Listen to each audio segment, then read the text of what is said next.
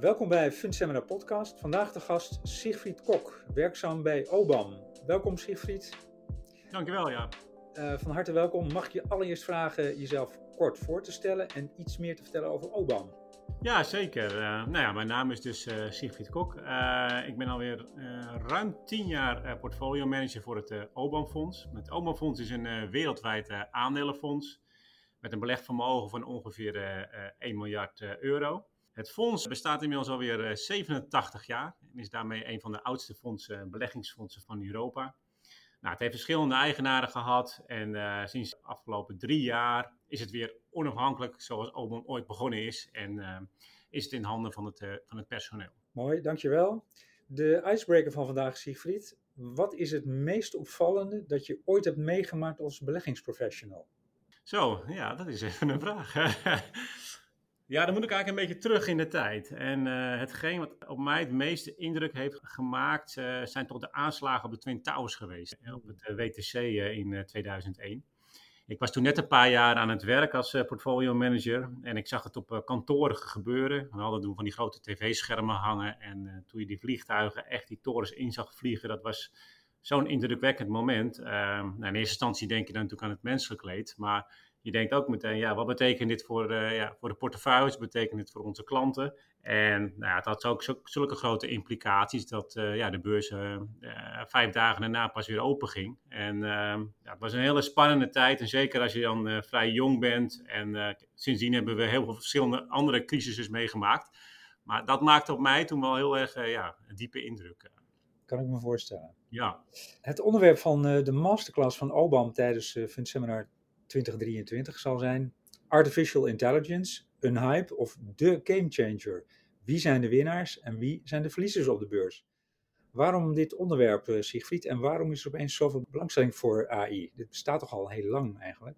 Ja, dat, uh, dat klopt ja. Ja, ja. Op financiële markten gaat uh, ja, alles over AI tegenwoordig, buiten natuurlijk rente en inflatie, wat ook zeer belangrijk blijft. En het is inderdaad zo dat uh, kunstmatige intelligentie eigenlijk al heel lang bestaat. Hè? In, de, in de jaren 50 waren onderzoekers hier al mee bezig. En ik heb nog even opgezocht, maar in de jaren 60 had je al een uh, virtuele uh, psycholoog. En dat was Elisa. Wat eigenlijk de facto de eerste chatbot eigenlijk al was. En nou ja, een vrij algemene test, al, algemeen geaccepteerde test, moet ik eigenlijk zeggen, of iets nou wel of niet kunstmatige intelligentie is. Dus die is eigenlijk ontwikkeld door de wiskundige uh, Alan Turing, de zogenoemde Turing-test. Die, die ken je, Jaap. Uh, en uh, ja, die zegt eigenlijk van dat je pas intelligentie hebt bereikt, hè, zodat zodra je als mens eigenlijk niet meer weet of je met een ja, mens te maken hebt of met een machine. Nou, aangezien dat bij Elisa het geval was, was die geslaagd voor die Turing-test. En dan had je dus de eerste vorm van nou, kunstmatige intelligentie. Nou, dat is eigenlijk wel een aardig bruggetje naar ja, de eigenlijk meer veel slimmere chatbots die we nu hebben en wat dus ChatGPT is. En ja, ChatGPT, dat is eigenlijk de grote ja, doorbraak ook uh, nou, qua AI geweest, qua het, uh, ja, de relevantie ervan en hoe groot het in de toekomst kan gaan worden en waarom er nu iedereen over praat. Nou, en dat werd nog eens een keer versneld hè, door met name de kwartaalcijfers van Nvidia in mei die liet zo'n gigantische omzetgroei zien en zoveel orders voor hun chips uh, voor AI. Dat iedereen dacht van, wat is hier aan de hand? Nou, ze hebben vorige week weer gerapporteerd. Er was nog veel malen hoger dan weer, werd verwacht. En dat geeft wel een beetje aan dat iedereen ontzettend haastig uh, bezig is om uh, ja, AI-capaciteit op te bouwen. Maar wat ook nog eens een keer interessant is, dat het heel veel verschillende industrietakken zeg maar, raakt. Het is niet alleen maar, zeg maar Google die bij uh, Nvidia uh, bestelt, maar het zijn heel veel verschillende soorten bedrijven. En dus denken we ook dat nou ja, dit een langdurig effect op de maatschappij en op de beurs zal gaan hebben. En daarnaast zag je meteen dat uh, bedrijven die misschien geraakt worden door AI, ja, die werden meteen heel hard afgestraft op de beurs. Want ja, zulke dingen worden heel snel ja, geëxtrapoleerd op de beurs. Hè. En die, uh, die, die verdisconteert dit soort bewegingen heel erg snel. En dan is het maar even afwachten of de realiteit ook echt komt. Uh. Ja, durf je te zeggen dat we met AI te maken hebben met een nieuwe revolutie, hè, die de wereld echt op zijn kop gaat zetten? Of is het een, een nieuwe hype die we over vijf jaar weer vergeten zijn? Ja, ik denk dat het in het verleden uh, wel wat meer een hype uh, geweest is. Hè? Maar ja, als sommige hypes, als die terugkomen, ja, dan worden ze automatisch ook een gamechanger. En ik zeker nu de ontwikkelingen op, op het gebied van generatieve AI, waar we straks misschien nog over komen te spreken. Ja, dat denken wij echt dat dat wel een gamechanger kan gaan worden, omdat het zo ja, vergaande sociale en economische implicaties kan gaan hebben. Maar of het allemaal, ook allemaal zo snel gaat als sommige ja, aandelen nu inprijzen, dat is altijd maar de vraag. Hè? Vaak uh, zie je toch vaak dat uh, ja, dit soort ontwikkelingen langzaam op gang komen. En het daadwerkelijk uh, dat iedereen er wat van gaat merken, dat is dan vaak toch wat op het wat langere termijn. Precies. Je noemde al even generatieve AI. Welke vormen zijn er eigenlijk van artificial intelligence? Ja, daar zijn, dat is eigenlijk best wel lastige vraag, want er worden zoveel definities ook voor, voor gebruikt. En ehm, komt wel elke keer terug op de vraag van, ja, wat is een beetje de Turing-test van, ja, oh, is dit nou echt intelligentie of niet? Want het begon natuurlijk wat meer bij, uh, ja, wat men ook wel noemt, uh, ja, de zwakke AI. En dat is eigenlijk dat je veel meer met algoritmes, uh, zoekalgoritmes werkt en dingen makkelijk kunt vinden. En ja, dan kom je een beetje uit bij de eenvoudige chatbots. Maar in mijn optiek, ja, die konden nog niet zo heel erg veel. En, en soms waren ze ook nog wel best wel irritant. In, en, en, nu ben je natuurlijk een heel stap verder. Dat ja, die chatbots je ook echt kunnen, kunnen helpen en dingen, nieuwe dingen creëren. Wat men dan noemt sterke AI, ja, dat, dat kan zeg maar dat de computer ook echt dingen kan, uh, problemen kan oplossen en kan redeneren. En uh, dat onderscheid wordt vaak gemaakt. Nou, dan heb je nog machine learning en deep learning. Ja, dat bestaat eigenlijk al best wel lang. heel veel industriële bedrijven maken hier ook gebruik van. Dan moet je zien, bijvoorbeeld in een ja, fabriek werd eerst een machine pas gemaakt als er echt wat stuk ging. Ja, nu kan echt door algoritmes kun je voorspellen wanneer iets stuk gaat. Dus dat kan je allemaal van tevoren uh, instellen en nou, dat, dat is ook allemaal heel efficiënt. Ja, en dan kom ik een beetje op het, uh, het generatieve wat je net al zei. Ja, dat is echt een vorm van kunstmatige intelligentie die echt ook nieuwe dingen maakt en creëert. Zoals afbeeldingen of teksten zoals ChatGPT doet. Maar ook ja, muziek of bijvoorbeeld in de gezondheidszorg hele nieuwe medicijnen kan het ontwikkelen. En dan, dan kom je echt op het gebied van waar nu ook de grootste hype over is eigenlijk. Ja. Of game changer, dat gaan we zien. Precies, want je noemt al uh, het maken van medicijnen. Als we even uitzoomen, wat zijn de economische gevolgen van uh, AI? Ja, de, voornamelijk als economen naar kijken naar deze ontwikkeling, dan uh, is de verwachting dat het met name de productiviteit zal verhogen. Dat hebben we natuurlijk in het verleden ook gezien hè, met, met het internet en de hele technologische revolutie. En nou ja, als je verschillende onderzoekers bekijkt, bijvoorbeeld McKinsey had laatst een rapport uit.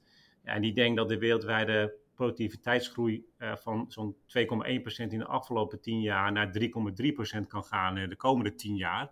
Maar moet ik wel zeggen, dat ligt wel wat verder in de tijd. In het begin is het nog met name heel veel investeren hè? Mm -hmm. uh, in, in, in deze technologie. En dan ga je pas over een jaar of drie, vier, denk ik, vijf, daar echt die, die productiviteitseffecten van, van zien. Nou, en het kan natuurlijk ook uh, zorgen voor een verschuiving op de arbeidsmarkt. Hè? Want ja, veel routine taken die, die kunnen er misschien door AI vervangen uh, worden. Daar komen natuurlijk ook weer uh, ja, nieuwe banen voor, voor, terug. Het is, ik denk, denk niet zo dat daardoor heel veel werkloosheid komt. Ik denk gewoon dat, dat gewoon werken gaat, gaat, gaat verschuiven. En um, dus dat is op economisch vlak wat je kan zien gaan gebeuren. Maar als gevolg van die ja, hoge productiviteit zou je ook, en dat heb je in het verleden ook wel gezien, uh, dat zou ook deflatoire kunnen, kunnen gaan werken. Dan krijg je ook lagere prijzen. En dat is ook nog een economisch effect wat je in de toekomst zou kunnen zien. En dat zou best wel prettig zijn, omdat we nu ook in een hoge inflatiesituatie zitten. Ja, economische gevolgen. Kun je iets meer vertellen over de voordelen van AI voor bedrijven? Ja, die zitten met name aan de kostenkant, maar ook wel aan, uh, aan de verkoopkant. Hè. Wat ik net al een beetje aanhaalde, als je routinematig werk uh, kan, kan vervangen door, door technologie, dan nou, bespaar je natuurlijk uh, kosten mee. Je ja. kunt veel ja, efficiënter werken. Maar ook bijvoorbeeld ja, je omzet verhogen door meer gerichte marketing bijvoorbeeld te doen. Snellere productontwikkeling kan ook door, of nieuwe producten maken. Dat kan ook. ja, en voor consument, wat ik net al een beetje aangaf, kan het leiden tot, tot, tot lagere ja, lagere prijzen. Maar uh, andere voorbeelden van voordelen voor bedrijven uh, is, nou, bijvoorbeeld in de gezondheidszorg uh, kijkt, daar zijn, daar zijn ze al best wel ver met AI. Ja. En daar heb je in sommige gevallen dat door AI, door kunstmatige intelligentie, ja, die kan bijvoorbeeld 20% meer gevallen van borstkanker zien dan bijvoorbeeld een radioloog kan. En, en die radioloog zal nooit verdwijnen. Alleen, ja, je kan wel zeg maar dingen optimaliseren en efficiënter maken, waardoor je zeg maar ja, dit soort vooruitgang eigenlijk krijgt. Ja, je schetst nu de voordelen van AI. Zie je ook nadelen of risico's verbonden aan AI? Ja, die zitten natuurlijk met name eh, aan de, de ethische kant uh, ervan. En daarom zijn ze, denk ik, in China hier ook al een heel stuk verder mee. Uh, want daar is, ja, hebben ze geen last van, van privacy. En kunnen ze werken met ja, heel veel data natuurlijk van, van, van, van de gebruikers. Maar ook op het gebied van ja, auteursrechten. Je kan natuurlijk ook fake news krijgen. Hè. Er zijn ook al heel veel voorbeelden van, denk ik, die, Klopt. Die mensen wel gezien hebben. Dat, dat je denkt van, nou goed is dit echt Donald Trump of is het gewoon een fake Donald Trump, weet je wel? En uh, daar zullen ook wel de nodige ja, eh, wet en regelgeving omheen komen. Nou ja, en we moeten ook oppassen dat sommige technologieën denk ik niet te snel worden geïntroduceerd, want dan raakt men ook het vertrouwen kwijt in die technologie. Als, en daarom is denk ik ook iedereen best wel huiverig met het invoeren van bijvoorbeeld zelfrijdende auto's. Dat als je dat te vroeg gaat doen, dan, ja, dan gaat de samenleving zeg, zeg maar tegen zich daartegen keren. En tenslotte, dat is ook altijd een beetje de angst, hè, dat uh, voor, nou ja, we zitten nu nog steeds in een oorlogssituatie uh, hier uh, met Oekraïne en Rusland, ja, dat het ook ja, voor defensie gebruikt gaat worden. En als dan die drones zo slim gaan worden, ja, dat ze zeg maar nou ja, dingen gaan doen wat wij liever niet zien, als je begrijpt wat ik bedoel. Ja, ja. Verwacht je dat AI invloed heeft op alle sectoren in de markt? Ja, dat is wel een beetje de kracht, denk ik, van deze technologie, dat er zoveel industrie takken raakt. Ja, op dit moment zie je dat nog niet hoor. Maar uiteindelijk denk ik wel dat het ja, heel veel verschillende industrietakken gaat bereiken. En als je ook kijkt naar bijvoorbeeld het orderboek van Nvidia, waar ik het net over had. Ja. Als je ziet wat voor bedrijven daarbij nu zeg maar die hele ja, krachtige computerchips aan het bestellen zijn.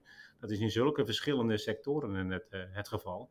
Ja, en die productiviteitswinsten, die zijn ook ja, over diverse sectoren denk ik uiteindelijk te, te behalen. Dus uiteindelijk denk ik wel dat eh, elke ja, sector hiermee te maken gaat krijgen. En de een natuurlijk wel wat meer dan, dan de ander. Ja. AI is dus echt een, hoogstwaarschijnlijk een, een game changer in jullie visie. Kun je concreet voorbeelden geven van ondernemingen die jullie als potentiële winnaars zien? En misschien ook potentiële verliezers, nu en in de toekomst? Ja, nou, er is één, één hele grote winnaar op dit moment, dat gaf er een beetje aan, en dat is Nvidia. Die hebben zo'n grote ja, uh, monopoliepositie op dit moment. Eigenlijk uh, iedereen die, zeg maar, die AI-chips wil hebben, ja, die, die zal toch langs Nvidia moeten, moeten om dat uh, te bemachtigen. want die chips hebben zo'n grote rekenkracht en die, ja, die kunnen, zeg maar, name dat generatieve AI, wat iedereen nu wil, ja, die kunnen dat doen.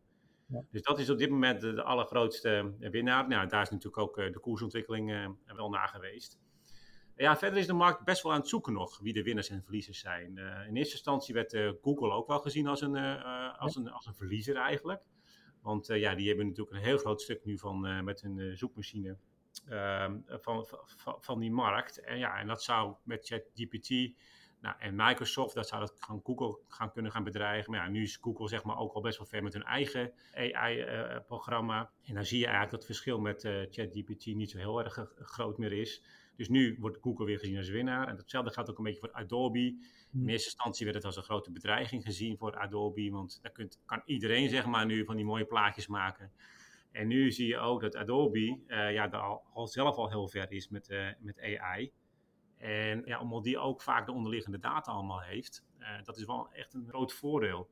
En dat zal denk ik ook in de komende jaren uh, naar, voren, naar voren komen. Als jij zelf de data hebt, dat is gewoon een, zeer groot voordeel. Want dan kan je zeg maar ook uh, die AI erover over voeren. En, en als je dat niet hebt, ja, dan, dan ben je ja, aan veel concurrentie onderhevig. Nou, laatste voorbeeld wat ik nog, wil noemen is Relax, Elsevier en Wolters Kluwer. Die gingen in eerste instantie ook flink omlaag op de beurs omdat uh, nou ja, AI best wel veel ja, taken zeg maar, die zij doen zou kunnen uh, vervangen. Ja. Nou, hebben ze zelf uh, in diverse presentaties aangegeven dat zij zelf ook AI toepassen in hun bedrijf. En het grote voordeel ook weer, dan kom ik weer terug op de data. Ja, die data, al die science en educatiedata, die heeft Wolters Kluwer en, en Elsevier natuurlijk in huis.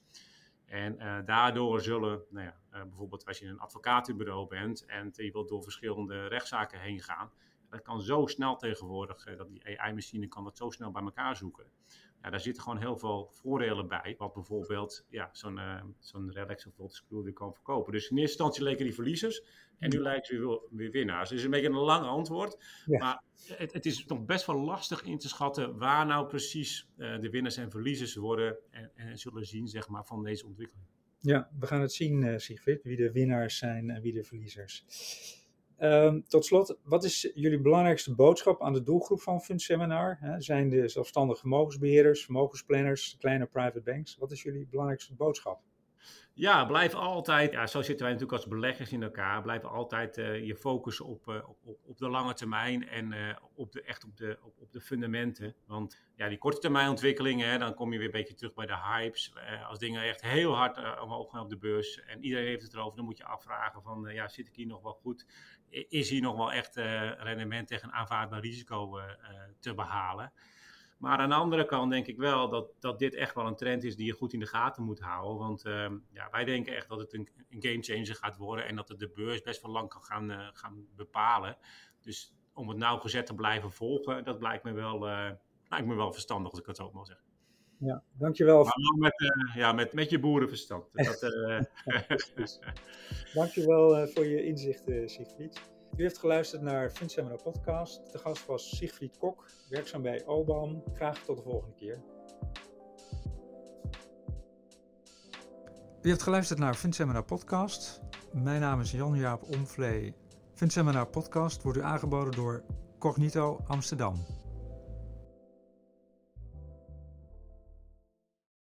Deze podcast dient enkel ter informatie en kan niet worden gezien als een aanbod, aanbeveling of uitnodiging tot het aankopen, aanhouden of verkopen van de financiële instrumenten zoals genoemd in de podcast. Nog kan de podcast worden beschouwd als beleggingsadvies. Loop geen onnodig risico. Lees het essentiële informatiedocument. Hierin staat dat het risico van dit product middelgroot is, namelijk 4 op een schaal van 7.